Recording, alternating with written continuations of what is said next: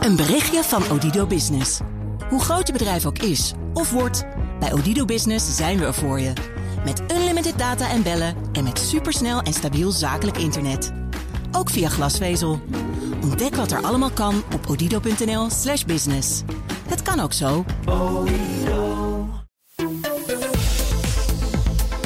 Er moeten gevechtspauzes worden ingelast in de oorlog tussen Israël en Hamas. Om zo meer hulp te kunnen sturen naar de Gazastrook.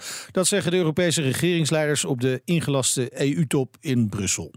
Eigenlijk ziet ook iedereen dat als Hamas uh, niet wordt bestreden, dat het ook uiteindelijk voor Israël betekent dat Israël niet kan voorbestaan. Dus dat dit soort terroristische dreiging moet worden weggenomen. Dus de, de deterrence, de afschrikking van Israël moet worden hersteld. Vervolgens zijn we het er ook over eens dat dat moet op een manier dat regionale escalatie wordt voorkomen. Dat Israël handelt met restraint. De discussie is dan vervolgens over hoe formuleer je nou precies, want daar is ook iedereen het over eens, toegang massief, massiever dan nu, veel massiever dan nu, van humanitaire hulp. Uh, en hoe formuleer je dat dan precies in de tekst, was ook nog een discussie. Ja, dat was uh, natuurlijk demissionair premier Rutte vannacht. Europa-correspondent Stefan de Vries, die was bij de top en is nu bij ons. Goedemorgen, Stefan.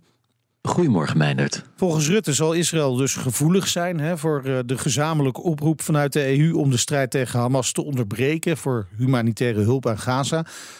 Wordt dat standpunt ook echt breed gedragen? Nou ja, dat is natuurlijk de grote vraag. Hè. Ook de Verenigde Staten uh, zijn inmiddels uh, proberen druk uit te oefenen op Israël om uh, zoveel mogelijk humanitaire hulp toe te laten tot Gaza.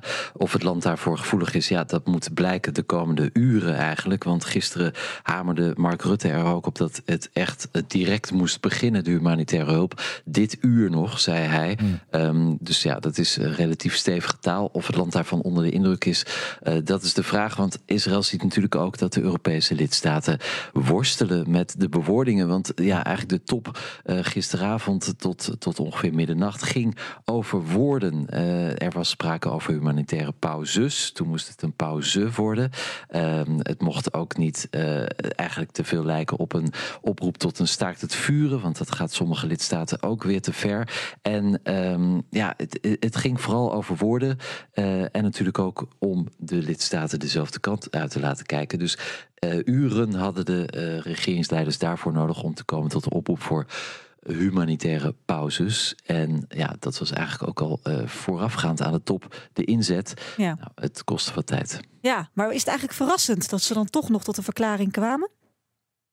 Nee, nee, nee. Natuurlijk kan Europa. Het, Europa is de laatste weken sinds het begin van de, de aanval in, door Hamas in Israël.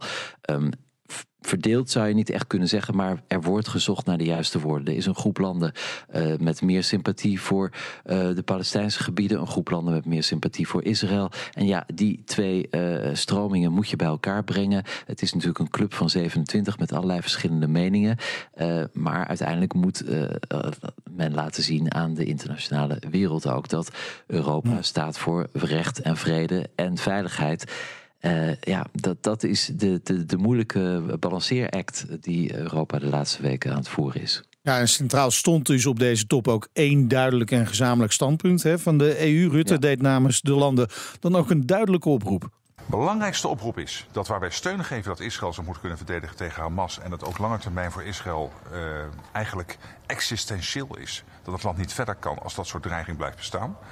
Dus daar steunen we Israël in. Israël, luister, je moet er nu voor zorgen dat je alles doet om ervoor te zorgen dat water, stroom, uh, brandstof, uh, voedsel, dat al dat soort zaken nu echt dramatisch verbetert. Ja, uh, Stefan, kunnen we nu ook zeggen dat gemeenschappelijke standpunt dat is gelukt? Ziet de rest van de wereld op ja. deze manier dan ook echt een verenigde Europese Unie? Voor nu nog even wel. Uh, het is ook duidelijk dat Israël de strijd uh, kan voortzetten. Uh, althans niet dat Israël onze toestemming nodig heeft, maar in ieder geval de Europese lidstaten vinden het voor zichzelf belangrijk om dat duidelijk te maken. Maar zodra de humanitaire situatie in Gaza verslechtert, ja, dan zal misschien ook, zullen ook sommige lidstaten zich wat harder gaan opstellen. En dan gaat het eigenlijk met name om Spanje. Dat land is dit half jaar voorzitter van de Europese Raad. Um, dat land wil ook een vredestop, het liefst in Madrid. Uh, daar is de premier Sanchez, ja, die wil een coalitie vormen met een extreem linkse partij, uh, die weer veel sympathie heeft voor uh, de Palestijnen. Dus het is een, een ingewikkelde situatie, maar vooralsnog is er nu eenheid. De vraag is alleen hoe lang gaat dat duren? Ja, en hoe lang gaat dat duren? ja, nou in ieder geval de komende dagen. Uh, deze tekst is afgehamerd gisteravond laat. Vandaag gaat de top ook nog door, maar vandaag gaat het over economie en migratie. En natuurlijk ook de oorlog in Oekraïne, ja. uh, die een beetje uh, ja, op de achtergrond is geschoven. Niet volgens Mark Rutte overigens, die benadrukt dat juist nu Europa duidelijk moet maken dat het we nog steeds achter Oekraïne staan. En dat het conflict in Israël niet een reden is om die oorlog maar even te vergeten. Dus de top, de tweedaagse top in Brussel staat in het teken van veel crisis. Um, maar volgens nog steggelen de regeringsleiders vooral over taal. Um, dat zal vandaag wat, uh, wat makkelijker gaan, want er liggen meer concrete voorstellen op tafel. Maar het is wel duidelijk dat uh, ja, Israël en Hamas de 27 regeringsleiders in Brussel flink bezighoudt. Dankjewel, Europa-correspondent Stefan de Vries van vanuit Brussel.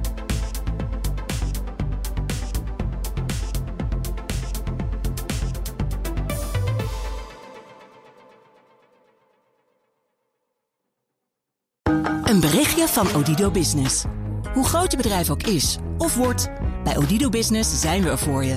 Met unlimited data en bellen en met supersnel en stabiel zakelijk internet. Ook via glasvezel. Ontdek wat er allemaal kan op odido.nl/business. Het kan ook zo.